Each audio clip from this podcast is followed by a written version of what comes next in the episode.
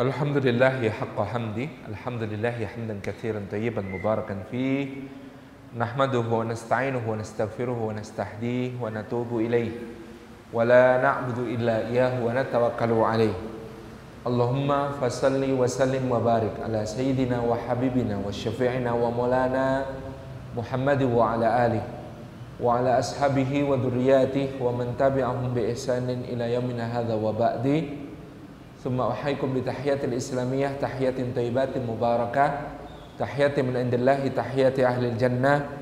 Assalamualaikum warahmatullahi wabarakatuh.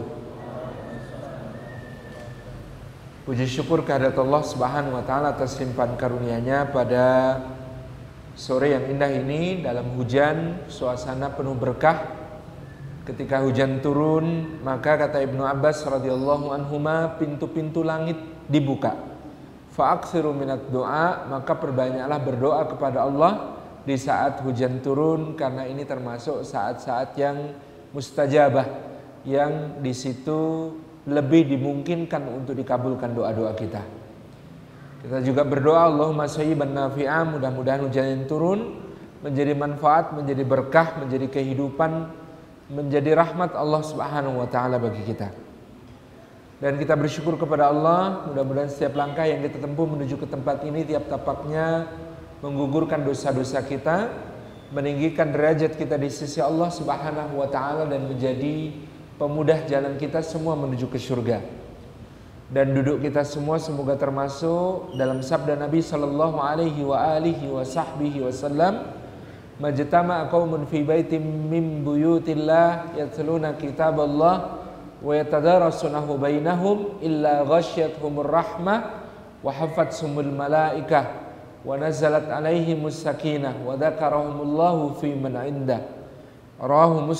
wa wa Nabi Shallallahu Alaihi wa alihi Wasallam mengatakan tidak berhimpun satu kaum di satu rumah di antara rumah-rumah Allah. Mereka membaca kitab Allah di dalamnya dan mengkaji maknanya di antara mereka, melainkan keadaan mereka itu dicurah-curahi rahmat Allah, dinaungi sayap-sayap malaikat Allah, diturunkan sakinah ke dalam hati mereka dan disebut-sebut nama mereka semua dengan bangga pada makhluk-makhluk mulia yang ada di sisinya. Juga duduk kita semua untuk menyebut-nyebut nama kekasih Allah Muhammad sallallahu alaihi wa alihi wasallam juga dalam rangka untuk banyak bersalawat kepadanya sallallahu alaihi wasallam dan kita menyelusuri kehidupan beliau sallallahu alaihi wasallam untuk menemukan berbagai macam ibrah terbaik untuk kita bersemangat mengamalkan sunnah-sunnahnya dan meladani beliau Shallallahu Alaihi Wasallam.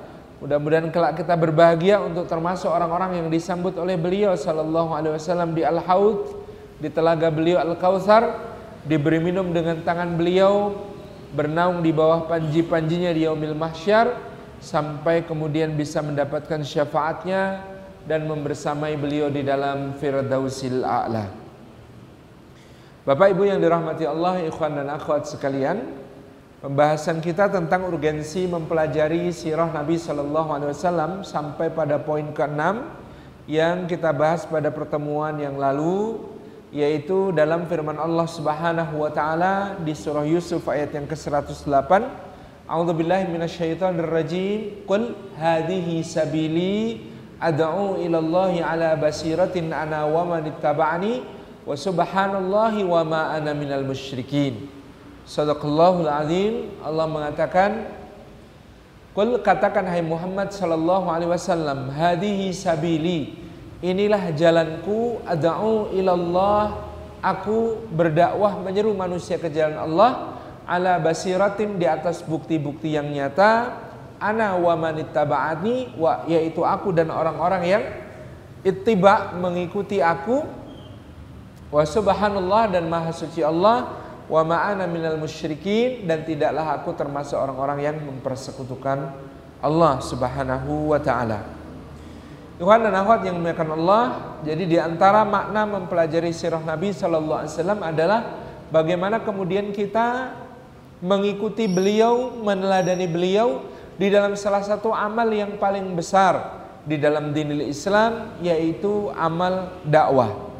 Sebagaimana disebutkan Imam An-Nawawi dalam Sarah Sahih Muslim bahwasanya umatnya Muhammad sallallahu alaihi wasallam ini disebut oleh beliau sallallahu alaihi wasallam sebagai al-akhirun as-sabiqun. Nahnul akhirun as-sabiqun, kita adalah yang paling akhir tetapi yang paling mula-mula. Yakni yang paling akhir di dalam ditampilkan di pentas dunia yang paling akhir ditampilkan untuk umat manusia tetapi as-sabiqun adalah yang pertama-tama yang lebih dulu di dalam memasuki surga Allah Subhanahu wa taala. Limada? Mengapa kok bisa demikian? Terakhir tampil tapi pertama masuk surga gitu ya. Kalau di teknik ada last in first out gitu ya. Ada. Kalau ini last out first in gitu ya. Ya, dia keluarnya terakhir tapi masuknya pertama-tama gitu ya ya, keluar ditampilkan oleh Allah Subhanahu wa taala di tengah umat manusia terakhir kali di akhir zaman di penghujung sejarah tetapi dia masuk surga yang paling awal rahasianya kata Imam Nawawi di antaranya adalah karena umat Muhammad sallallahu alaihi wasallam ini menghela selendang yang dulu hanya dipakai oleh para nabi dan para rasul yaitu selendang dakwah. Jadi amal besar yang kemudian di khususkan secara menyeluruh untuk umatnya Muhammad Sallallahu Alaihi Wasallam adalah amal dakwah yang itu tidak dianugerahkan Allah pada umat-umat sebelumnya. Pada masa Nabi Nuh alaihissalam yang berdakwah ya, Nabi Nuh, Rasul yang mendapatkan risalah itulah yang berdakwah.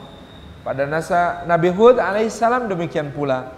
Pada masa Nabi Saleh beliaulah yang mendapatkan tugas dakwah. Begitu terus menerus sampai kemudian pada umat Muhammad sallallahu alaihi wasallam ini Allah berfirman, "A'udzubillahi minasyaitonirrajim. Kuntum khaira ummatin ukhrijat linnas ta'muruna bil ma'rufi wa tanhauna 'anil munkar wa tu'minuna billah." Kata Allah Subhanahu wa taala, "Kuntum khaira ummah."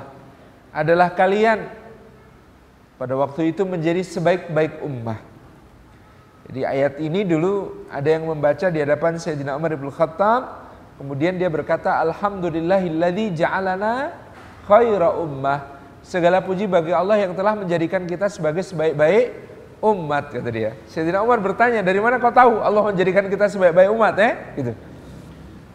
Kata dia, "Li'anna Allah Ta'ala yaqul" karena Allah berfirman, "Kuntum khaira ummatin." Kalian adalah sebaik-baik umat. Kata Sayyidina Umar bin Khattab, "Ungdur hadal lafat." Coba perhatikan lafat ini. Lafatnya apa? Fi'il madi. Kuntum khaira ummatin. Kuntum itu fi'il madi. Artinya adalah kalian dulu adalah kalian dulu. Nah, berarti fi'il madi. Kata kerja lampau bentuknya. Duh, kalau begitu tidak selalu, berarti tidak selalu. Kalaulah Allah mengendaki kita ini selalu menjadi sebaik-baik umat, maka pasti kalimatnya antum khaira ummatin gitu ya. Bukan kuntum tapi antum. Kalau antum kalian itu ya khairu ummah adalah sebaik-baik ummah. Antum khairu ummatin. Antum utawi sira kabeh iku khairu ummatin, khairu ummatin seapi-api umat. Tetapi tidak, Allah mengatakan kuntum. Kuntum adalah kalian dulunya, gitu ya. Itu sebaik-baik umat.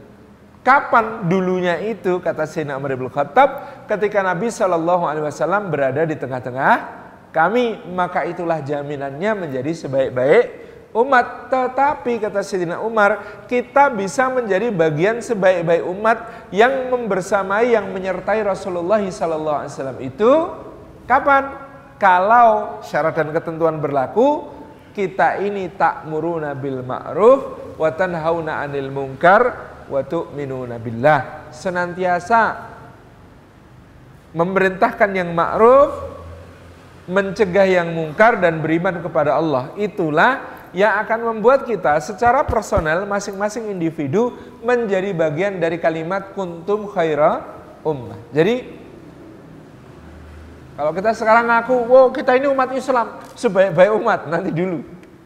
Ini fiilnya fiil mati ayatnya. Jadi kapan umat Islam menjadi sebaik-baik umat? Dulu ketika bersama Nabi SAW. Apakah bisa lagi? Bisa. Kalau kemudian mayoritas umat mengikuti Rasulullah SAW di dalam tak bil ma'ruf wa tanhauna 'anil munkar wa tu'minuna billah. Jadi syarat dan ketentuannya adalah dakwah. Maka kita ini betapapun bagaimanapun mengupayakan supaya bisa menjadi bagian dari orang-orang yang berdakwah. Kenapa? Karena kalau sudah menjadi umat yang seperti kita ini tidak berdakwah adalah masalah. Berdakwah memang masalah, tapi tidak berdakwah lebih masalah. Salah satu indikator bahwa tidak berdakwah itu bermasalah adalah apa yang disampaikan oleh Allah Subhanahu wa taala dalam sebuah firman-Nya tentang Bani Israel. Allah mengatakan, "Law innal ladina kafaru min Bani Israila ala lisani Dawud wa Isa bin Maryam." Dilaknati orang-orang kafir Bani Israel itu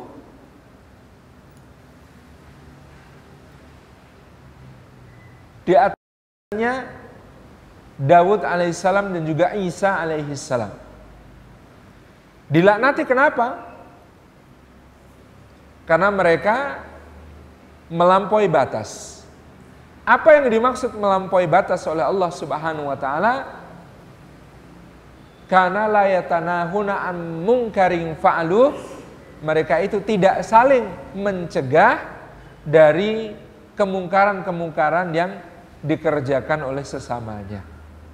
Mereka itu tidak saling mencegah dari kemungkaran-kemungkaran yang dikerjakan oleh sesamanya. Demikian pula kita dapati makna yang serupa dalam kisah tentang orang-orang yang tinggal di tepi laut. Was'alhum anil qaryati lati kanat hadiratal bahr kata Allah, tanyakan kepada mereka tentang sebuah negeri Al-Qaryah yang terletak hadirat al-bahar di tepi lautan. Tentang apa yang terjadi di negeri itu, yaitu orang-orang yang kemudian melakukan pelanggaran hari Sabtu. Mereka melanggar larangan Allah Subhanahu wa taala yang mana dikhususkan bagi mereka hari Sabtu untuk beribadah, tidak untuk bekerja, tetapi Allah hendak menguji mereka. Bagaimana cara menguji mereka gitu ya? Pada hari Sabtu itu ikan-ikannya banyak dan bahkan berduyun-duyun. Itta'tihim haitanuhum yawma sabtihim surra'an wa yawma la yasbituna la ta'tihim. Ketika hari Sabtu, ikan-ikannya itu di laut surra'an. Kata surra'an ini menurut para mufasir kayak tempatnya nggak cukup sehingga ikannya harus gantian ada yang harus loncat supaya bisa memberi tempat untuk yang lain di dalam air masya Allah ya gitu ya. itu ujiannya begitu jadi ketika hari Sabtu mereka harus beribadah itu ikan-ikannya ini suraan rebutan tempat sampai-sampai ada yang harus loncat-loncatan gantian loncat supaya semua kebagian tempat di air gitu ya masya Allah. Sementara kalau bukan hari Sabtu, ikan-ikannya kok nggak kelihatan gitu. Jadi ini yang kemudian dimaknai oleh sebagian ulama, ujian itu datang di titik kelemahan kita masing-masing.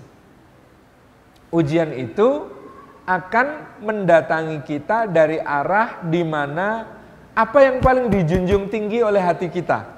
Kesenangan kita di mana? Kira-kira di situ barangkali justru yang paling berat ujian yang akan kita lalui. Sayyidina Ibrahim alaihissalam itu menjunjung tinggi cinta. Maka ujiannya ujian cinta, gitu ya. Ujian Sarah, ujian Hajar, ujian meninggalkan anak dan istri di lembah tak bertanaman, ujian menyembelih putra, ujian, ujiannya ujian cinta semuanya. Ketika lulus maka Allah mewisuda dia sebagai Khalilur Rahman, kekasihnya Allah karena lulus ujian cinta. Kalau Sayyidah Maryam bagian ujiannya karena dirinya menjunjung tinggi kesucian, ujiannya soal kesucian, didatengin malaikat rupanya sempurna. Malaikatnya ngasih kabar kamu bakal hamil. Wah, kan itu kan shocking gitu ya. Sesuatu yang sangat berat diterima. Karena apa? Yang dijunjung tinggi adalah kesucian, ujiannya di situ. Nabi SAW orang yang menjunjung tinggi kejujuran, asidqu. Maka Rasulullah SAW itu diujinya, bayangkan 40 tahun tidak ada orang yang membantah beliau.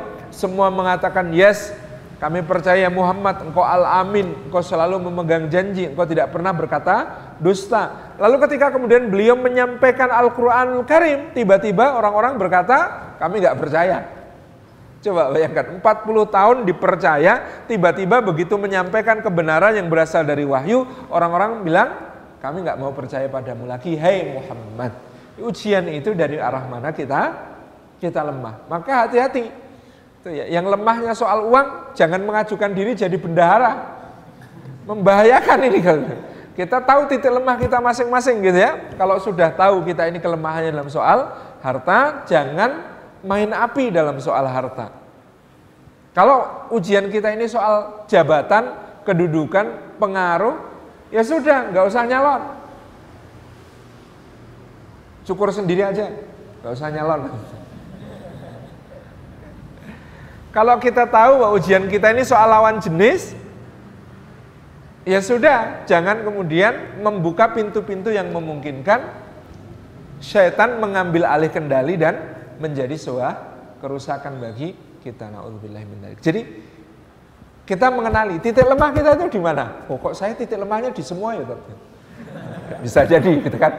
Ya nggak apa-apa gitu kan ya berarti kita mesti lebih hati-hati di dalam menjaga diri dari berbagai macam ujiannya. Cerita tentang orang-orang tadi sama. Kita ini kadang-kadang menjelang Jumatan kita buka toko, kok sing teko gitu ya, konsumennya banyak gitu ya.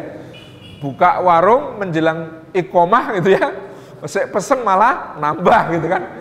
Pokoknya yang namanya ujian itu di titik lemah kita. Tetapi kita diwajibkan untuk istiqomah. Jadi memang ujian itu begitu.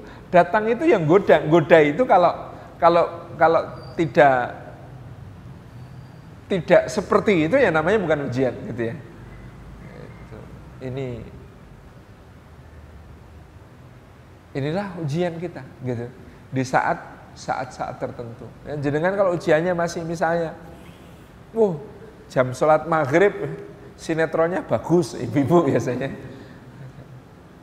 Terus apalagi pas bulan gitu ya, jam tahajud, bulannya lagi seru-serunya.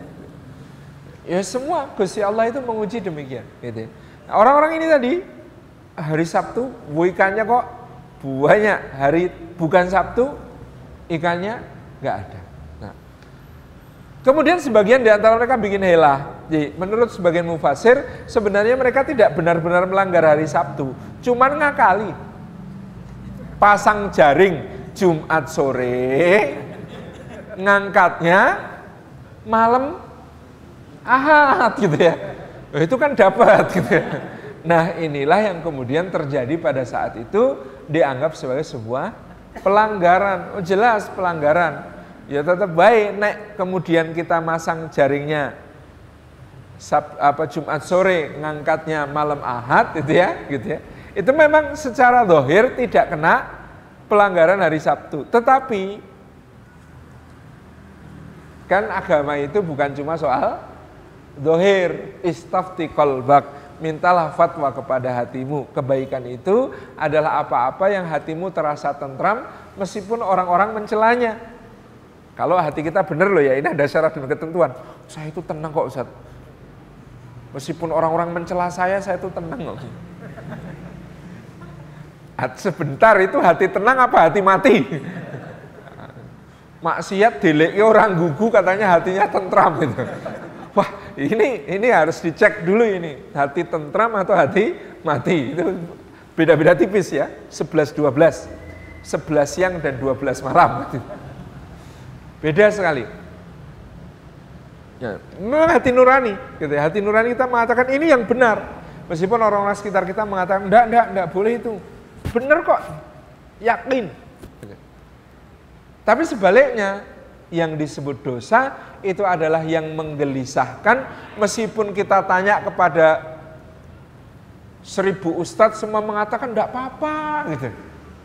Tapi kalau kemudian hati kita, wah kok ya nggak tentrem ya saya itu. Nah, maka suara hati nurani itu lebih layak untuk diikuti dalam hal, -hal yang sedemikian. Jadi kata istafti kolbak itu syarat dan ketentuan berlaku. Kalau hatinya sehat itu bisa jawab. Gitu. Kalau hatinya sedang bermasalah juga jawabannya bermasalah. Gitu ya. Mintalah fatwa kepada hatimu karena kebaikan itu adalah apa-apa yang kamu merasa tentram meskipun orang tidak setuju. Sebaliknya disebut dosa kalau kemudian kamu merasa gelisah meskipun orang-orang membenarkan. Nah ini coba bayangkan, pasang jaring Jumat sore diangkat malam Ahad gitu. Sepanjang hari Sabtu kira-kira fokus ibadah apa mikir mlebu ya, mlebu ya gitu. Kira-kira fokus ibadah atau mikirin jaring?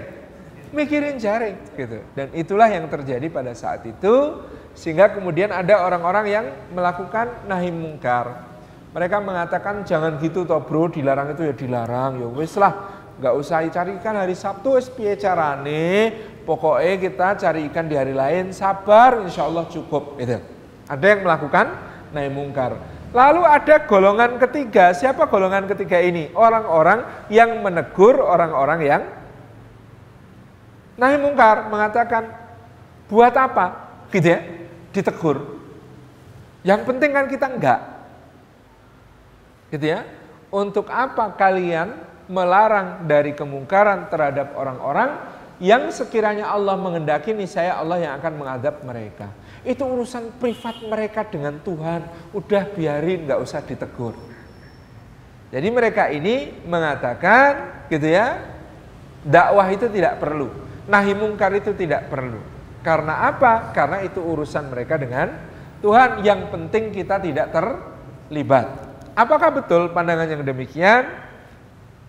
Nabi SAW memberikan perumpamaan kepada kita tentang nahi mungkar itu seperti orang yang sama-sama naik kapal, sama-sama naik perahu. Ada yang naik perahu itu dapat tempatnya di atas, ada yang naik perahu itu dapat tempatnya di bawah di geladak bagian bawah. Yang di bagian atas itu ya, itu kalau memerlukan air itu tinggal nguncal ke timbo, dapat air dari luar gitu ya. Tapi yang di geladak bawah itu kalau mau ngambil air itu harus naik ke atas, nimbo, terus diangkut ke bawah airnya. Repet, repot. Maka yang di bawah ini kepikiran, oh, samping kita inilah air loh, yo Nah, kok kita susah-susah naik turun naik turun buat apa? Capek. Udah ini dilubangin aja nanti kita dapat air gitu kan. Logika maksiat itu kan begitu. Logika maksiat itu piye penae rasa ribet gitu kan. Itu logika kemaksiatan. Nah, udah nggak usah naik, kita tinggal lubangin aja kapalnya biar kita dapat air gitu. Akhirnya kemudian mereka melubangi melubangi kapal. Kira-kira kalau orang yang di atas terhadap perbuatan orang-orang yang di bawah ini melubangi kapal ini diem saja? Apakah mereka nanti kalau kapalnya tenggelam jadi selamat? Enggak, ikut tenggelam. Kenapa? Karena mereka di kapal yang sama. Logikanya kan begitu. Jadi misalnya yang bawah itu melubangi kapal biar airnya masuk, terus yang di atas yang penting kita nggak terlibat yo bro yo. Yang penting kita nggak ikut-ikutan melubangi kapal atau kita nggak salah. Apakah begitu akan selamat? Enggak. Jadi logikanya kata Nabi SAW tentang nahi mungkar itu kayak kita naik kapal bareng bareng. Kalau yang di bawah melubangi kapal kok kita diem saja tenggelam tenggelam bareng tiji tiba itu mati siji mati kabeh karena apa? Karena kapal itu dinaiki bersama. Jadi Bagaimana cara kita menjaga masyarakat secara komunal adalah dengan cara melakukan nahi mungkar, melakukan amar ma'ruf, beriman kepada Allah Subhanahu wa taala. Dalam kisah orang-orang yang melanggar hari Sabtu, Allah Subhanahu wa taala mengatakan fa anjaynal ladina yanhauna anil mungkar. Maka kami selamatkan orang-orang yang mencegah dari kemungkaran, gitu ya. Dan kami binasakan orang-orang yang zalim. Nah, kira-kira orang yang tidak mencegah kemungkaran meskipun tidak terlibat termasuk zalim atau termasuk yang mencegah kemungkaran?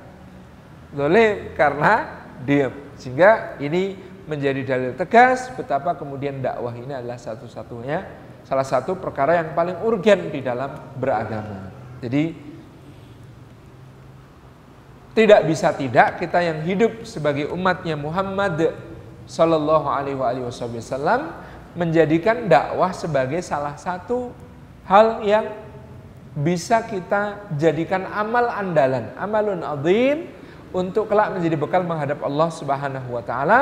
Disebabkan kita ini kalau beramal dalam dakwah misalkan ada satu orang mendapatkan hidayah disebabkan karena dakwah yang kita lakukan gitu ya maka Nabi Shallallahu Alaihi Wasallam menyebut dalam beberapa hadis yang pertama kepada Sayyidina Ali bin Abi Thalib beliau mengatakan khairul laka min khumurin na'am.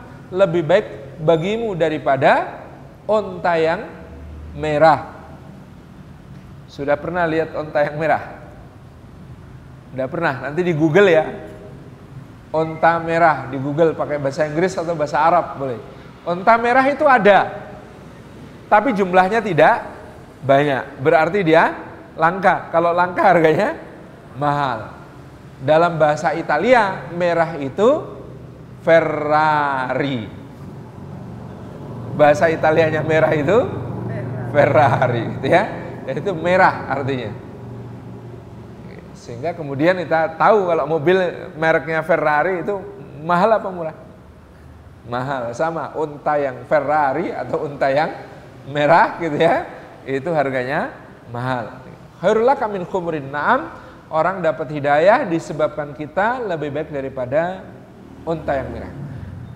Wakila khairul laka minat dunia wa ma fiha dan dalam riwayat lain disebutkan Nabi mengatakan khairul laka minat dunia wa ma fiha lebih baik bagimu daripada dunia dan seisinya. Dunia saja mahal apalagi seisinya. Berapa harga dunia? Tanahnya aja loh ya. Tanahnya aja di Jogokarian ini sudah 6 juta per meter. Gitu kan di beberapa titik itu sudah harganya sekian. Itu ada yang 4 juta per meter, ada yang 6 juta per meter. Per meter.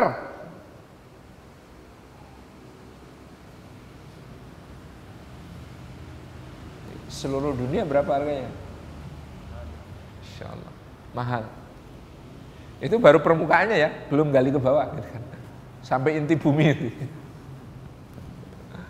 Subhanallah. Mahal khairul dunya wa Apalagi yang ada di dalamnya jauh lebih mahal lagi. Inilah besarnya pahala orang-orang yang kemudian mendapatkan taufik dari Allah Subhanahu wa taala untuk melakukan dakwah. Sedemikian pula disebutkan oleh Nabi SAW gitu ya.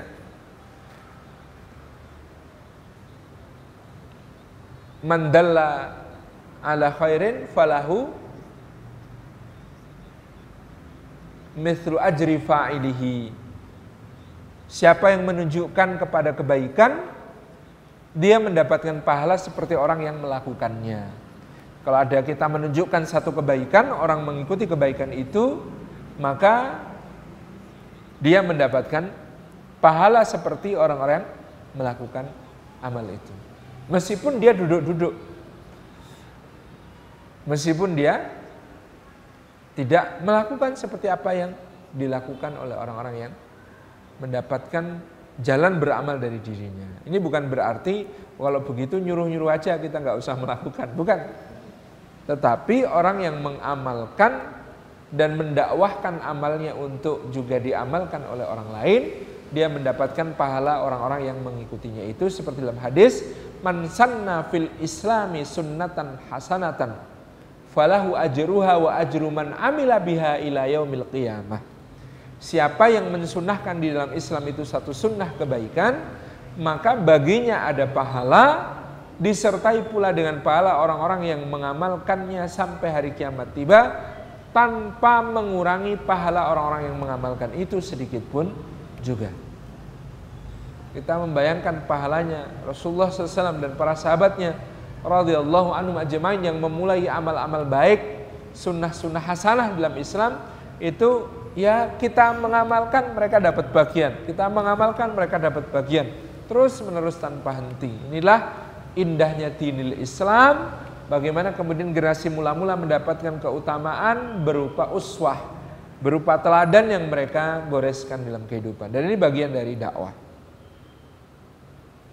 Bapak Ibu yang dirahmati Allah Subhanahu wa taala, inilah yang kita bahas kemarin sampai pada makna bahwa yang namanya dakwah itu tulut tarik, panjang jalannya, kilatur rijal sedikit yang mau menumpuhnya, kasratul uqubat banyak masalahnya, gitu ya. Admatul ajar besar sekali pahalanya, Masya Allah. Hadis sabili inilah jalanku adau ilallah yang kita lakukan adalah mengajak manusia ke jalan Allah Subhanahu wa taala. Maka setiap upaya yang mendekatkan manusia ke jalannya Allah itu disebut sebagai dakwah. Dan yang namanya dakwah itu tidak sekedar ceramah. Yang namanya dakwah bukan sekedar menyampaikan ilmu, tetapi memberi contoh, gitu ya. Memberikan sentuhan takliful qulub, sentuhan hati yang bisa membuat orang semakin ingin mengenal Allah dan Rasulnya dan juga dinul Islam memberikan tauladan dalam berkehidupan sesuai dengan sunnah Nabi Sallallahu Alaihi Wasallam segala suatu upaya yang bisa kita lakukan untuk membawa manusia ke jalan Allah disebut sebagai dakwah. Adau ilallah. Mengajak manusia membawa manusia menarik manusia ke dalam ke dalam agama Allah, ke dalam uh, apa namanya? keridhaan Allah Subhanahu wa taala. Maka apa pun yang kita punya bisa menjadi bekal kita untuk melakukan dakwah. Hobi kita bisa menjadi bagian dari dakwah. Kebiasaan-kebiasaan kecil yang kita lakukan bisa menjadi bagian dari dakwah. Sekedar sunnah membagi-bagikan makanan kepada tetangga, memasak dengan memperbanyak kuahnya supaya tetangga ikut rasan, supaya tidak cuma mencium baunya tapi bisa merasakan rasanya gitu ya. Ini bagian dari dakwah. Kawan di Jepang membuktikan dengan suka berbagi masakan Indonesia kepada tetangga-tetangga Jepangnya empat tahun kuliah di Jepang bisa mengislamkan beberapa keluarga. Seorang pemuda muslim di London membuktikan dengan mengamalkan sunnah yang sangat sederhana namanya istinja dan istibro Tahu ya, istinja dan istibro. Istinja itu membersihkan diri sampai najak sampai suci setelah buang air besar dan buang air kecil. Istinja. Istibro ini mencegah agar jangan sampai setelah istinja ada yang keluar lagi. Ini namanya istibro. Kalau laki-laki eh, salah satu sunnah kita adalah melakukan istibro. Istibro ini caranya bagaimana? Ditekan-tekan bagian yang perlu ditekan supaya misalnya air kencingnya keluar semuanya, jangan sampai ada yang tersisa. Gitu ya. Tekan kandung kemihnya, tekan bagian bawah salurannya gitu ya. Kemudian tekan bagian yang mengeluarkannya sampai kemudian tetes terakhir gitu ya. Sampai tetes terakhir. Nah, baru kemudian dibasuh, istinja dengan air. Nah, sesudah itu insya Allah aman gitu ya. Karena kadang-kadang kalau orang tergesa-gesa itu belum tuntas keluarnya sudah dibasuh dengan air itu nggak terasa kemudian nanti ternyata celananya begitu dicek ada noda, celananya begitu dicek bau, celananya begitu dicek itu jelas najis.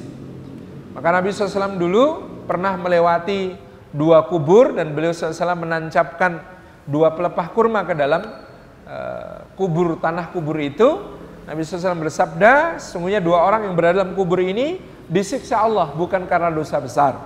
Yang satu karena tidak hati-hati terhadap kencing tidak hati-hati terhadap al-baul atau kencing, yang satu disiksa karena mengikat kucing. Mengikat kucing gimana? Karena mengikat kucing lalu tidak ngasih makan. Harusnya kalau nggak mau ngasih makan jangan diikat kan gitu, biar nyari makan sendiri gitu. Dua orang ini kata Nabi disiksa bukan karena dosa besar. Yang satu karena kencing, yang satu karena kucing. Jadi cing semuanya. Yang satu kencing, yang satu kucing. Maka Nabi menancapkan pelepah kurma itu, kata Nabi SAW, semoga Allah menangguhkan siksa mereka sampai pelepah-pelepah ini kering. Ini adalah apa namanya kasih sayang Rasulullah SAW kepada umatnya yang e, mendapatkan masalah di alam kuburnya karena dosa yang mungkin dianggap sepele, dosa yang dianggap ringan. Maka ada satu hadis dalam Musnad Ahmad, ittaqul baul fa innahu awwalu ma yuhasabu bihil abdu fil qabri. Takutlah kepada air kencing, hati-hatilah terhadap air kencing karena dia adalah perkara pertama yang akan dihisap oleh Allah Subhanahu wa taala dari seorang hamba di dalam kubur. Jadi kalau perkara pertama yang dihisap di alam akhirat itu salat, perkara pertama yang dihisap dalam kubur adalah kencing. Ini masuk akal karena syarat sahnya salat adalah suci. Kadang-kadang Eh, penjenengan misalnya pipisnya yang tidak bersih itu di kantor siang padahal harus sholat duhur nggak sempat ganti eh, sholat duhurnya jadi sah tidak? Itulah yang kemudian menjadi masalah gitu ya. Eh, apa namanya karena ini perkara yang mendasari ibadah. Toharoh kesucian suci dari najis ini adalah bagian dari kebersihan kita suci dari hadas dan suci dari najis. Nah apa namanya cerita tentang pemuda di Inggris ini karena dia istinja dan istibroknya bagus. Sehingga petugas laundrynya itu tanya kok kamu beda? Beda dengan siapa? Dengan teman-teman? Apanya yang membedakan? Kamu ini beda dari teman-temanmu yang lain? Nah teman-temanmu itu pakaian dalamnya pasti kotor dan berbau sementara pakaian dalammu selalu bersih nah, kemudian dia jelaskan tentang istinja dan istibrok sebagai bagian dari ajaran Islam, maka tukang laundry itu beserta seluruh karyawannya kemudian masuk Islam, gitu ya. Masya Allah. Jadi dakwah itu kadang-kadang karena keikhlasan, karena ketulusan hati, apa pun bisa menjadi satu wasilah dakwah. Konon Imam Ibnu Hajar Asqalani itu ngejek aja bisa jadi hidayah, gitu. Saking kuatnya, saking kuatnya kekuatan rohani beliau. Jadi ada cerita Imam Ibnu Hajar Asqalani itu kan beliau waktu usia sudah sepuh menjadi kodi agung di Kairo di Mesir. Beliau jadi kodi agung di Kairo. Antum tahu Askolan itu mana? Askolan itu sebelah utara Gaza, jadi di Palestina. Beliau kelahiran Askolan, kemudian beliau ketika sudah usia senja tinggalnya di Mesir dan beliau menjadi hakim agung di pengadilan Kairo. Karena hakim agung, beliau itu dapat fasilitas kereta dinas. Zaman itu kereta dinas itu satu hal yang mewah gitu ya. Dan ini terkait juga dengan kondisi beliau yang sudah sepuh, jadi memang diberi oleh pemerintah fasilitas kereta dinas. Nah, satu hari beliau sedang naik kereta dinas itu dihadang oleh seorang Yahudi yang pekerjaannya adalah penjual ter, penjual minyak berbau. Kayak oli-olian lah zaman sekarang ini tukang oli kan kita bisa tahu sendiri ya, belepotan, bau. Pasti bajunya baju kotor jelek gitu kan. Nah ini Yahudi penjual ter ini kemudian menghadang Ibnu Hajar al Asqalani. Kemudian Ibnu Hajar turun bertanya, ada apa nak? Apa kau punya perlu? Gitu ya. Yahudi itu mengatakan, saya mendengar nabimu bersabda. Jadi dia tahu hadis. Yahudinya ini tahu hadis. Kata dia, nabimu bersabda, sesungguhnya dunia ini adalah penjara orang mukmin dan surganya orang kafir. Jadi dia mengutip hadis ini Yahudi ini. Dunia ini penjaranya orang mukmin dan surganya orang kafir. Kalau begitu, lihat keadaan kita, kata si Yahudi. Melihat keadaanmu yang berpakaian mewah, gitu ya, hidup nyaman, punya kereta dinas, dibandingkan aku, seorang Yahudi, penjual ter yang hidupku sengsara, maka berarti kamu sedang di surga, aku sedang di neraka sekarang ini, yang berarti aku mukmin, kamu kafir. Jadi pede Yahudi ini. Jadi karena kamu itu hidup mewah, maka kamu seakan di surga. Lo dunia ini surganya orang kafir, berarti kamu kafir. Sedangkan saya ini, kata si Yahudi, saya ini orang yang menderita, hidup susah seperti ini. Berarti saya ini orang mukmin karena dunia ini penjaranya orang beriman. Imam Ibnu Hajar ini cool, stay cool. Beliau senyum. Nak, aku tanya, gitu. Apa yang kunikmati sekarang ini naik kereta, berpakaian bagus, makan enak, hidup nyaman. Kira-kira dibandingkan nikmat surga, bagus mana? Kata si Yahudi, ya bagus nanti nikmat di surga. Kata Imam Ibn Hajar, nah betul. Karena nanti di surga itu lebih bagus daripada ini, maka aku ini sekarang rasanya terpenjara. Loh iya kan, pembandingnya kan begitu. Nanti kalau di surga lebih enak, berarti kalau kita sedang menikmati fasilitas seperti ini, ini analoginya seperti kita di penjara, gitu ya. Oh di surga nanti aku muda enak, nggak tua kayak gini. Padahal kamu tahu sendiri, nikmatnya orang tua itu sudah sangat dikurangi sama Allah. Tidur kurang, makan kurang, gitu ya. Gitu ya, sama istri kurang, oh, semuanya kurang. Orang tua sih. Gitu. Jadi aku ini dibandingkan nanti ketika masuk surga, aku ini sedang di penjara. Kata oh, kok gitu? Nah coba kalau kamu, kata Imam Ibn Hajar, apa yang kamu alami sekarang, susah, makanan tidak enak, pakaian compang camping, bau, miskin, miss queen gitu ya. Miss Nona Queen Ratu, Nona Ratu, Miss Queen gitu ya miskin banget kayak begitu. Kira-kira dibandingkan siksa neraka yang kamu alami sekarang, itu lebih ringan apa lebih berat? Hanya lebih ringan. Nah maka kamu itu kalau dibandingkan nanti waktu masuk neraka, oh, sekarang ini surga bro. Oh iso ngaso, di neraka nggak bisa ngaso, you know. Jadi kata Imam Ibnu Hajar, jadi kamu ini sekarang hidup kayak begitu susahnya itu, itu masih surga bro dibanding nanti ketika masuk neraka beneran. Jadi hadisnya bener. Dunia ini penjara orang mukmin. Wah aku terpenjara ya nanti dibanding kebebasanku di surga nanti. Dan surganya orang kafir, yaitu kamu sedang hidup di surga. Karena apa? Nanti kalau masuk neraka, lu sengsara. Itu Yahudinya dapat penjelasan begitu itu nangis. Kalau kita kan tersinggung ya Dia nangis kemudian berkata asyhadu alla ilaha illallah wa asyhadu anna muhammadar rasulullah. Itu kan diejek saja dapat hidayah. Memang yang ngejek ini nggak sembarangan. Kita ini sudah muji-muji orang kok nggak dapat hidayah gitu. Udah direwangi muji-muji orang kafir supaya tertarik belajar Islam nggak tertarik-tertarik ya. Ini Imam Ibnu Hajar sekali ngejek ya, diajak masuk Islam itu. Masya Allah. Dan kemudian, wow, Masya Allah ya, begitu dia bersahadat, Imam Ibnu Hajar nggak peduli bajunya bagus, baju dia jelek, kotor, langsung dipeluk gitu ya, di sambut sebagai saudara sama mukmin sama muslim kemudian dia menjadi salah satu muridnya Ibnu Hajar Al Asqalani rahimahullahu taala jadi inilah gitu ya kekuatan ruhani orang dakwah itu yang terpenting dari hatinya ternyata. Bukan soal hanya strategi-strategi yang taktik-taktikan. Apalagi dakwah kok pakai tipu-tipuan. Nggak usah. Wong ini kebenarannya Gusti Allah. Sampaikan saja ala basirotin di atas bukti-bukti yang nyata. Ini kunci dakwahnya Nabi SAW itu ala basirotin di atas bukti-bukti yang nyata.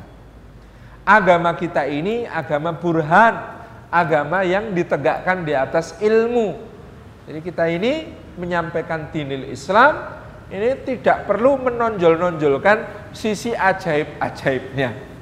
Ya kadang-kadang sisi ajaib itu ada di dalam agama kita dan bagian dari keimanan kita untuk kemudian juga mengakuinya. Tapi tidak semua yang ajaib itu kemudian bermanfaat untuk dakwah. Kalau tidak berdasarkan ilmu. Nah, kalau soal ajaib-ajaiban, apa kurangnya Bani Israel coba? Melihat tongkat berubah jadi ular, tangan bercahaya, tukang sihir dikalahkan, gitu kan? Kemudian apalagi di Mesir turun bencana, ada kata, ada belalang gitu ya, ada darah mengalir di Sungai Nil, uh semuanya gak karuan dan semuanya hilang dengan doa Nabi Musa alaihissalam. Mereka lihat lautan terbelah sampai ujung mereka bisa berjalan dengan selamat. Fir'aun ditenggelamkan. Subhanallah. Mereka melihat mana dan salwa turun dari langit. Mana dan salwa turun dari langit sebagai hidangan langsung untuk mereka. Ini kan luar biasa ya. Semua keajaiban itu di hadapan mereka mereka lihat. Tetapi inilah riskannya mendakwahkan keajaiban-keajaiban di dalam agama. Satu, keajaiban itu tidak bisa dipastikan, nggak ada rumusnya. Oh, jenengan kalau baca Al-Fatihah seribu kali, nanti pasti hafal Al-Fatihah. Ayo jelas. Tapi kadang-kadang ada orang yang kemudian memberikan kepastian, kalau baca Al-Fatihah seribu kali, dagangannya pasti laris. Ya mbo ya, gitu kan. Belum tentu. Satu, yang namanya keajaiban belum tentu bisa dipastikan. Yang kedua, keajaiban, keajaiban, keajaiban itu kalau kemudian disadikan dasar sebagai dasar keimanan, nanti kalau ketemu keajaiban lain bisa runtuh. Contoh, Bani Israel lihat patung sapi buatan Samiri dari emas bisa bersuara. Bubar imannya. Subhanallah. Itu yang terjadi. Allahu Akbar. Jadi Bapak Ibu yang dirahmati oleh Allah Subhanahu wa taala Keajaiban sholat subuh ya ada. Keajaiban sholat duha ada. Keajaiban sholat tahajud ada. Keajaiban sholat asar ada. Semua sudah ditulis ya. Ada bukunya masing-masing. Yang belum ada bukunya keajaiban sholat jenazah.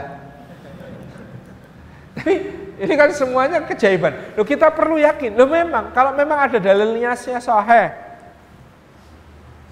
Keajaiban dua rakaat sebelum subuh. Eh, memang ajaib. Allah menyediakan suatu yang lebih berharga daripada dunia seisinya. Allah menjaminkan inna Quran al-fajri kana masyhuda. Bacaan Quran di waktu subuh itu disaksikan para malaikat. Wah Allah Subhanahu wa taala menjanjikan gitu ya. Berbagai janji. Nabi SAW memberikan fadilah-fadilah. Jelaskan pada kita. Kata Ibnu Mas'ud gitu ya, akan diberikan kecukupan. Kecukupan ya bukan kekayaan. Barang siapa yang membaca surah Al-Waqi'ah. Barang siapa membaca surah Al-Mulk di pagi hari, maka dia terjaga sampai pagi berikutnya. Eh, di sore hari, maka terjaga sampai pagi berikutnya. Pembacaan di pagi hari terjaga sampai sore berikutnya. Ini fadilah-fadilah, kita yakin, kita imani. Tetapi di luar itu, kalau kita mendakwahkan nilai Islam ini kepada orang lain, apalagi dia belum beriman, ya kita nggak bisa memaksa dengan doktrin. Pokoknya diimani, nanti pasti yakin, gitu. Nanti pasti terwujud, nanti dulu. Din ini di atas ilmu. Maka fa'lam annahu la ilaha illallah, maka ilmuilah bahwa tiada ilah selain Allah. Islam ini kalau menjelaskan sesuatu selalu sederhana dan telak. Contoh ada orang-orang kafir Quraisy mengatakan, kita nanti kalau sudah mati masa hidup lagi. Sudah jadi tulang belulang dan bahkan debu, mosok nanti bisa utuh lagi untuk menerima pertanggungjawaban amal baik nikmat maupun siksa. Apa logika yang ditawarkan Allah? Simple. Loh kamu itu loh, dulu nggak ada sama sekali, bisa jadi ada. Mosok ada sisanya, lebih sulit bagi Allah untuk jadi inutuh lagi. Lebih gampang, kok masih ada sisanya. Dulu aja kamu nggak ada bisa jadi ada. Kok ada sisanya kamu pikir nggak akan diadakan lagi? Clear, logis. Jadi hari pembalasan itu sangat kita yakini, diimani. Kok bisa? Logis-logis saja. Wong kamu dulu nggak ada bisa jadi ada. Kok kamu bilang tinggal tulang belulang, tinggal debu, tinggal tanah. Kok nanti bisa ada lagi? Ayo bisa, gampang. Wong masih ada sisanya. Wong dulu nggak ada apa-apanya. Jadi ada kok, apalagi ada sisanya. Lebih mudah bagi Allah untuk menyusun kembali. Itu. Teman-teman ateis. Asal kejadian manusia begini-begini. Semuanya kebetulan. Wow, elok. Bisa kebayang nggak ada tornado melibas sebuah kota, begitu tornadonya lewat, kotanya bukan tambah rusak, tapi tambah rapi.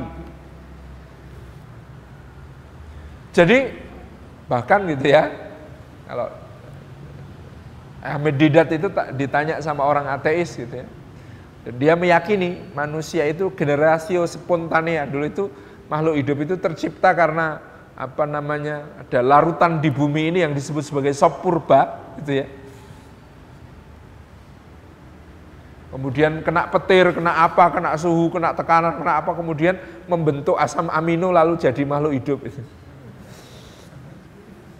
Kata Syamir Didat, ada sebuah tornado melewati pabrik baja dan pabrik karet.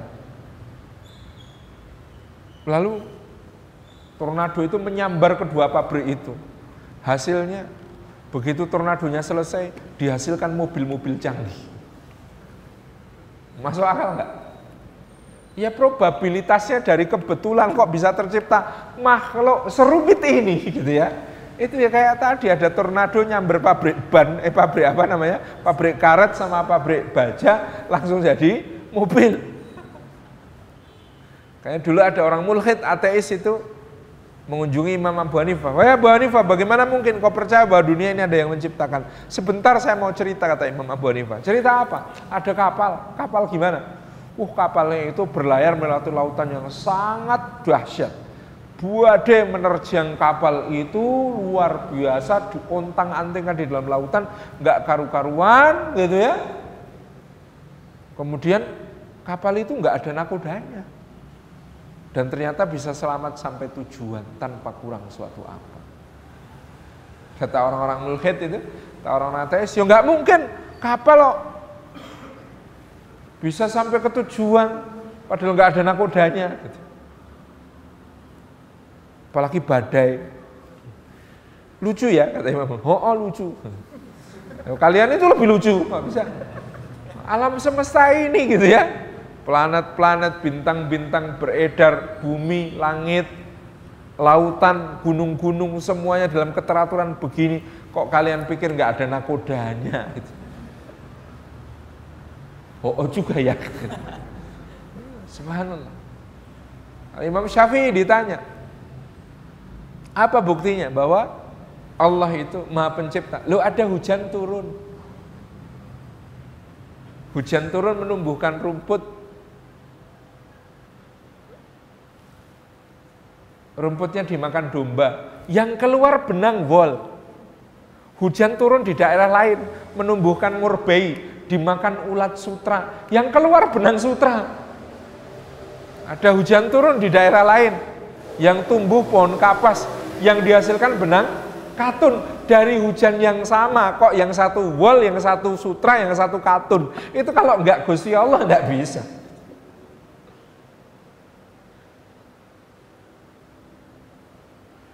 Kata Imam Ahmad ketika ditanya tentang betapa maha penciptanya Allah kata beliau enggak usah jauh-jauh. Ada benteng kokoh. Benteng kokoh itu kalau pecah dari dalam kehidupan kalau pecah dari luar kematian. Apa maksudnya? Telur loh.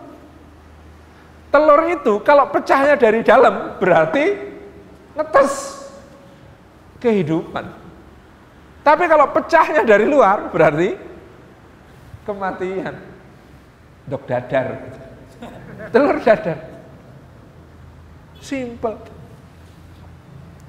Imam Malik ditanya, apa buktinya Allah itu maha pencipta?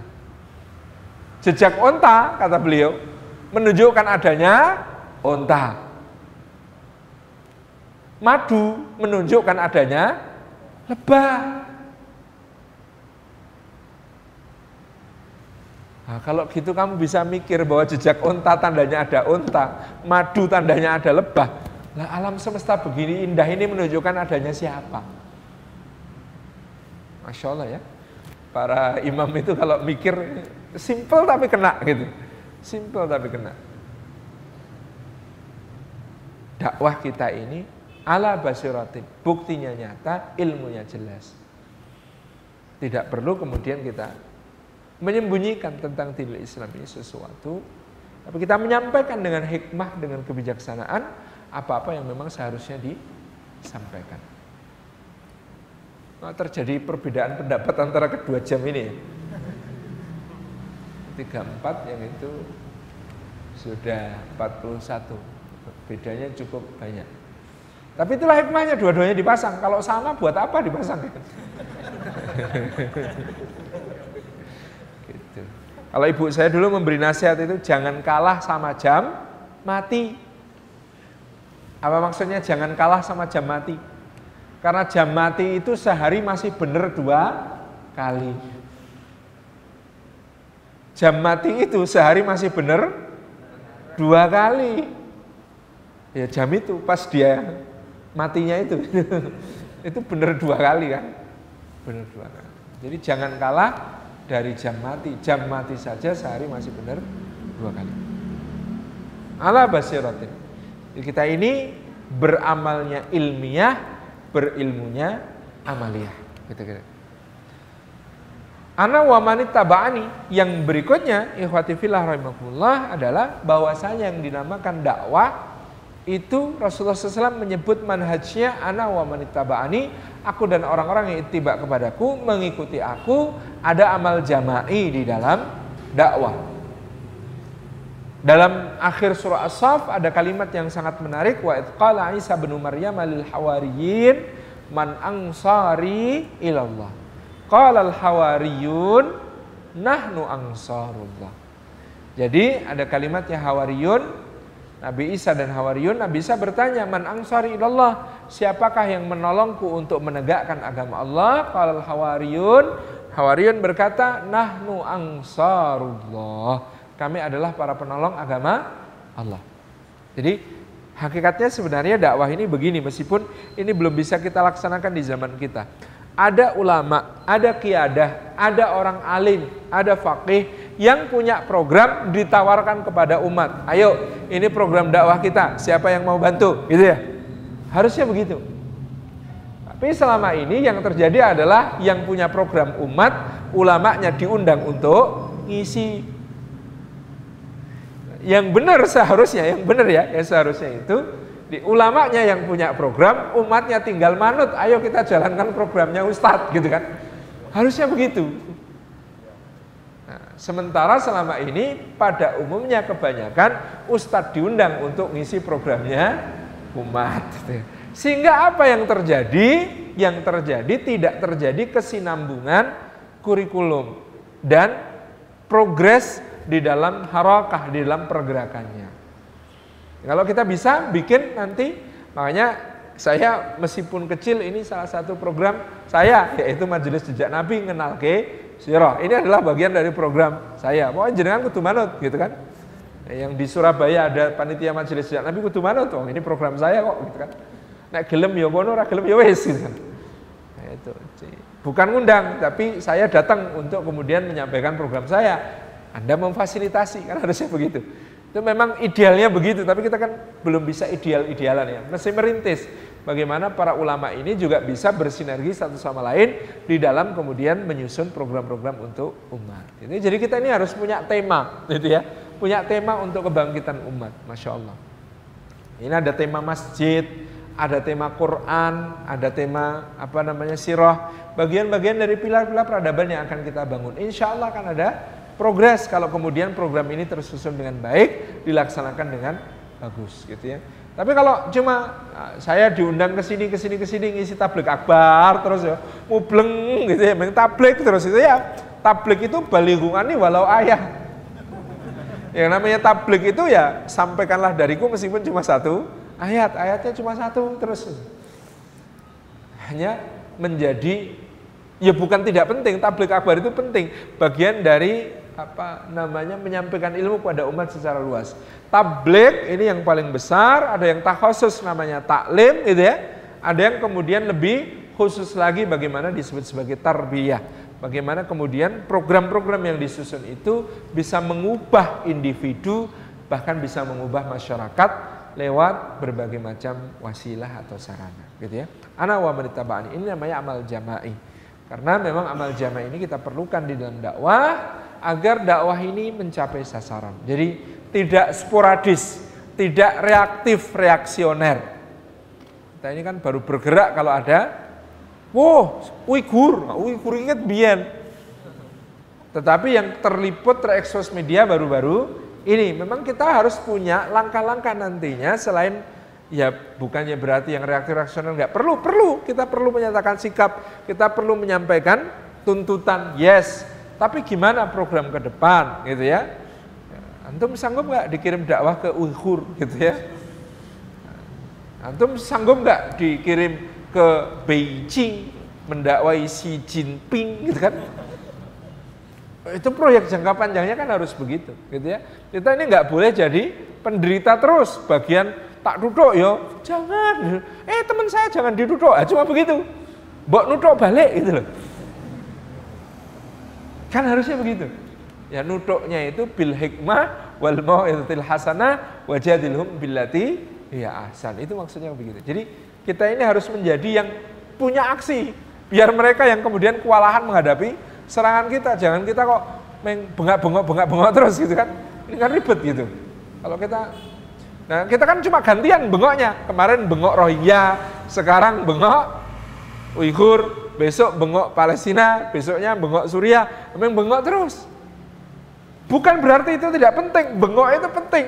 Minimal bengok berarti masih ada, masih hidup. Bisa bengok gitu kan. Umat ini masih bisa memberikan reaksi, tetapi memang Bagaimana kemudian amal-amal besar ini menjadi sesuatu yang yang uh, mengubah tadi yang kita sebut gitu ya. Gejala-gejalanya kita bisa melihat ya yang tampak di 212 gitu ya di masjid-masjid, di masjid perkantoran, taklim-taklim yang hidup. Ini insya Allah bagian dari progres pergerakan itu. Kita ini pengen satu saat 212, lalu kemudian gara-gara ada 212 Israel bilang, wow Indonesia sudah ngumpul laskarnya, kita jangan nyakitin orang Palestina lagi, takut ya sama Indonesia gitu. Kan harus sampai level itu. Gara-gara kita kemudian berada seperti uh, satu syarat dan ketentuan berlaku, wah Indonesia serem nih. Lalu Myanmar nggak berani macam-macam sama muslimin Rohingya. Awas toh jangan diapa-apain Rohingya itu nanti kalau kita ngapa-ngapain Rohingya nanti kita dicubit sama Indonesia kan bahaya gitu. Sudah sampai level itu harus ya gitu kan nantinya. Bagaimana kemudian kita punya power untuk kemudian membuat orang tidak melakukan kezaliman kepada saudara-saudara kita di berbagai macam tempat. Kita insya Allah akan sampai pada level itu. Saya sangat optimis tentang hal ini. Gitu ya. Ana wa man tabani subhanallah dan maha suci Allah. Jadi salah satu rambu-rambu dakwah itu subhanallah. Maha suci Allah. Apa maknanya? Jangan sampai kita berdakwah orang justru lari dari agama Allah. Jangan sampai kita berdakwah justru orang membenci Allah, mengata-ngatai Allah, menistakan Allah Subhanahu wa taala. Dalam Al-Qur'an batas ekstrimnya adalah dan jangan kamu celah sesembahan-sesembahan mereka yang akan menyebabkan mereka mencela Allah tanpa ilmu dan tanpa batas. Jadi kalau kita berdakwah nggak perlu bagi kita untuk komentari Tuhannya orang lain. Komentari sesembahnya orang lain. Membikin candaan tentang dewa-dewanya orang lain. Gitu ya. Kalau itu apalagi punya akibat mereka balas menjelek-jelekkan Allah, menistakan Allah. Ini batas. Wa subhanallah dan maha suci Allah tidak boleh kita justru loh didakwah yuk malah bubar. Sebelum didakwai masjidnya rame. Begitu ada yang berdakwah masjidnya sepi gitu. Oh, ini keliru ini jelas. Bagaimana kemudian dakwah ini membawa semakin banyak manusia ke dalam keridhaan Allah bukan justru membuat manusia takut, membuat manusia khawatir, membuat manusia ngeri. Dan ini diperlukan ilmu, diperlukan kaidah-kaidah yang tidak sederhana, tapi kita ambil dari Nabi Shallallahu Alaihi Wasallam. Jadi misalnya kaidahnya al qudwah qablat dakwah. Salah satu yang dirumuskan oleh Syekh Mustafa Masyur, al qudwah qablat dakwah. Kita ini lebih utama memberi teladan sebelum mengajak. Yang kedua, at-ta'lif qablat ta'rif, mengikat hati sebelum mengenalkan Jangan ujuk-ujuk ketemu orang langsung kita dakwai, tapi ikat hati dulu, sambungkan hati dulu, samakan frekuensi dulu. Wow itu anu suka futsal. Saya pengen ngajak dia sholat, saya tak ikut futsal dulu. Kan?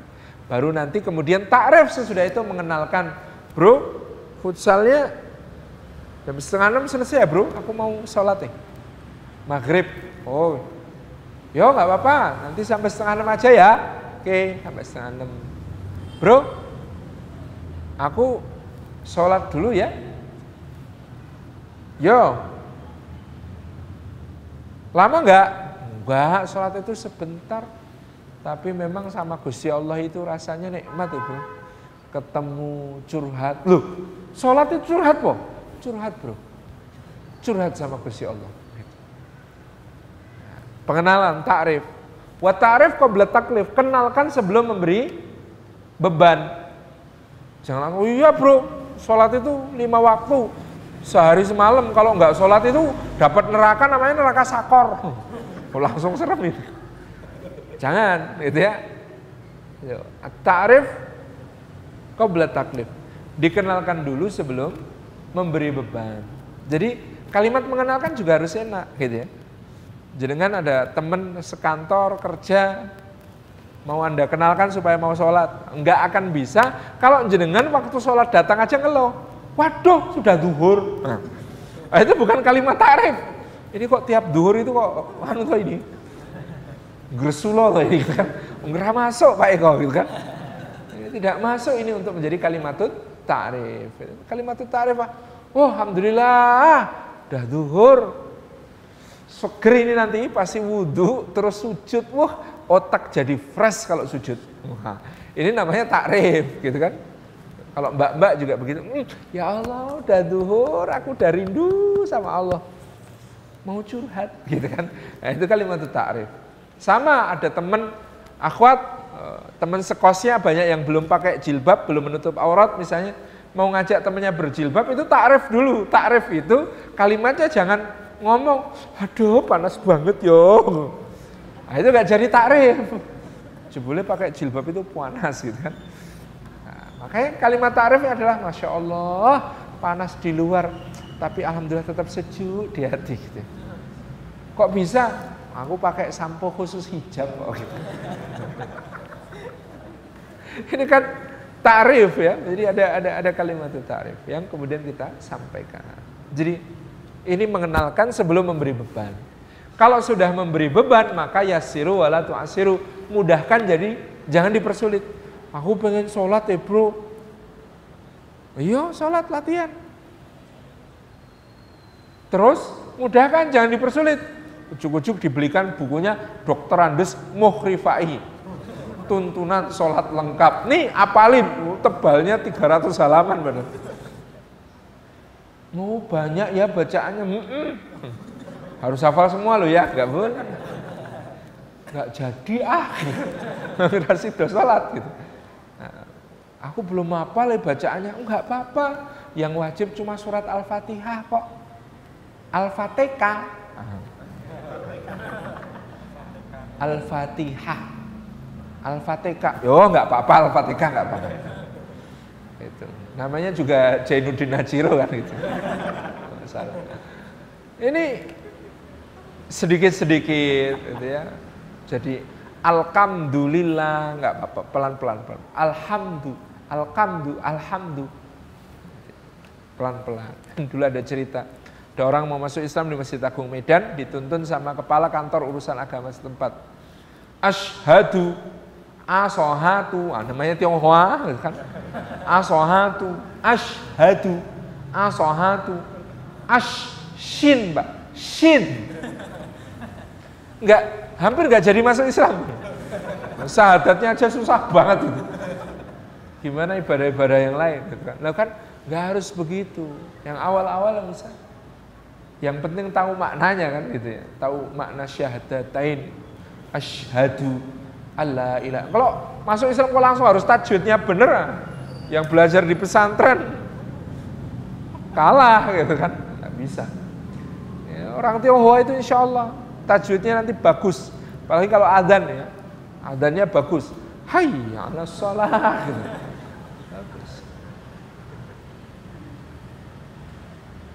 Jadi dipermudah, jangan dipersulit. Wabashiru wala tunafiru dan beri kabar gembira jangan dibuat lari. Astagfirullah, udah jam 17.49 kurang 7 menit. Maghrib udah sholat asar belum? Belum nih, lupa. Oh memang potensial ahli neraka. Jangan loh. Jangan. Diberi kabar gembira, jangan dibuat lari. Kabar gembiranya, Masya Allah masih ada waktu. Wudhu satu menit, sholat empat menit. Ayo, satu, dua, tiga. Kan diberi kabar gembira, jangan dibuat lari. Gitu ya. Jadi dulu ada cerita di Afrika, ada orang berdakwah, kepala sukunya mau masuk Islam gitu ya, di Afrika. Begitu kepala sukunya masuk Islam sama dai-nya langsung diajak ke dokter bedah. Loh, ngapain ini? Oh, kalau Anda masuk Islam, salah satu tandanya masuk Islam adalah itu dipotong. Apanya? Itunya. Uh, nggak jadi kalau gitu saya. Agama apa ini masuk itunya harus dipotong? Iya. Oh kalau gitu nggak jadi saya nggak jadi masuk Islam, batal batal. Oh kalau membatalkan masuk Islam, kamu kena hukum murtad yang harus dipotong leher. Karena murtad hukumannya mati. Kata kepala sukunya, agama macam apa ini? Masuk potong bawah, keluar potong atas. Jadi ini kan ya benar itu tuh itu tuh benar. Tapi kan nyampaikannya jangan saat itu kan itu. Perlu proses gitu ya. Perlu tahapan-tahapan sebelum kemudian disampaikan dengan cara yang tepat. Ini adalah satu apa namanya fikih dakwah yang penting. Jadi apa Al-qudwah qabla da'wah, at-ta'lif qabla ta'rif, wa ta'rif qabla taklif, wa yassiru wa la tu'assiru, wa basyiru wa la tunaffiru. Ini kaidah yang akan berlaku sepanjang zaman tentang dakwah. Yang berikutnya, ikhwati fillah kita bisa mengambil contoh bahwa di sini juga kita memahami sunnah. Sunnah itu ada sunnah yang afdal, ada sunnah yang utama, ada yang lebih utama. Pada kondisi tertentu, ada sunnah utama yang harus kita tinggalkan menuju sunnah yang lebih utama. Ada contoh riwayat yang sahih, Mu'ad bin Jabal itu kalau jadi makmum di Masjid Nabawi tiap waktu salat, dia berdiri di belakang Nabi SAW. Setiap kali Nabi selesai salam, dia langsung naik unta, pulang ke kampungnya, jadi imam di kampungnya. Jadi Muad bin Jabal itu tiap waktu sholat ke Masjid Nabawi dulu, begitu selesai sholat di Masjid Nabawi baru ke kampungnya jadi imam. Itu yang namanya Muad bin Jabal. Ini orang yang saking rajinnya ini begini. Gitu. Kan. Nah, satu hari orang dari kampungnya Muad bin Jabal komplain kepada Nabi SAW, ya Rasulullah, kami tidak mau lagi sholat berjamaah. Loh, kenapa? Oh imamnya kok, imamnya Mu'ad itu kalau ngimami itu bacaannya panjang, sholatnya lama. Kami ini orang kerja di ladang-ladang ya capek kalau pulang itu diajak sholat lama. Enggak kuat ya Rasulullah. Wes nggak usah jamaah-jamaah wes gitu kan. Muat dipanggil, hei Muat engkau ini bagaimana? Mau jadi fitnah, eh? Mau bikin fitnah? Mau membuat Allah dan Rasulnya diolok-olok? Mau membuat syiar-syiar Islam ditinggalkan? Kaget Muat bin Jabal ditanya begitu. Rasa-rasanya itu dia nggak pernah melakukan hal yang buruk hal yang dosa, hal yang maksiat lah kok ditegur kayak begitu. Apa salah saya Rasulullah? Kamu itu kata Nabi SAW, kalau ngimami sholat gitu ya, panjang bacaanmu, lama sholatmu, bikin kamu nggak kuat. Muad bin Jabal, ya Rasulullah, demi Allah, saya itu kalau sholat mimpin sholat di kampung saya, panjangnya persis panjang sholat sampean ya Rasulullah. Bacaannya persis bacaan sholat sampean ya Rasulullah. Sampean baca apa saya di kampung saya baca itu kok. Nggak pernah saya ganti kok. Nggak saya tambahi nggak saya kurangi. Rasulullah ketawa kemudian beliau berkata ya makmumu berbeda dengan makmumku. Jamaahmu berbeda dengan jamaahku maka ringankanlah untuk mereka bacalah untuk mereka sabbihis marabbikal a'la jadi ada dalil khusus tentang surah al-a'la untuk dibaca sebagai bacaan yang ringan bagi imam yang makmumnya nggak kuat lama-lama jadi yang ringan itu adalah Sabis marobikal a'la, bukan inna a'toina kalau kautsar ya.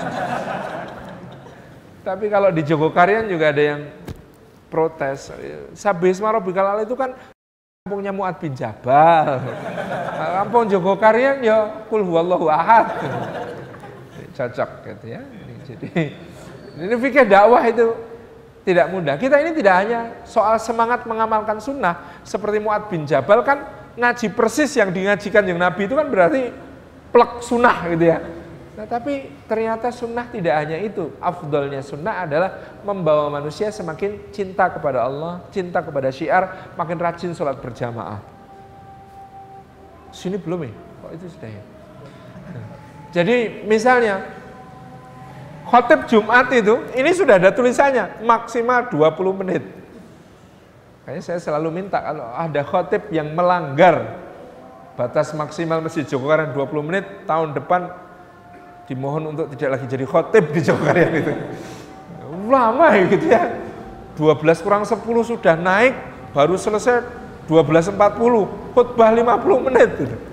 Wah ini berat ini untuk jamaah, menyulitkan, bikin fitnah, bikin orang jadi malas berjamaah gitu ya. Itu intinya. Karena sini sudah masuk maghrib juga, kita tutup dengan doa penutup majelis. Subhanakallah bihamdik asyhadu alla ilaha illa astaghfiruka wa atubu ilaik. Assalamualaikum warahmatullahi wabarakatuh.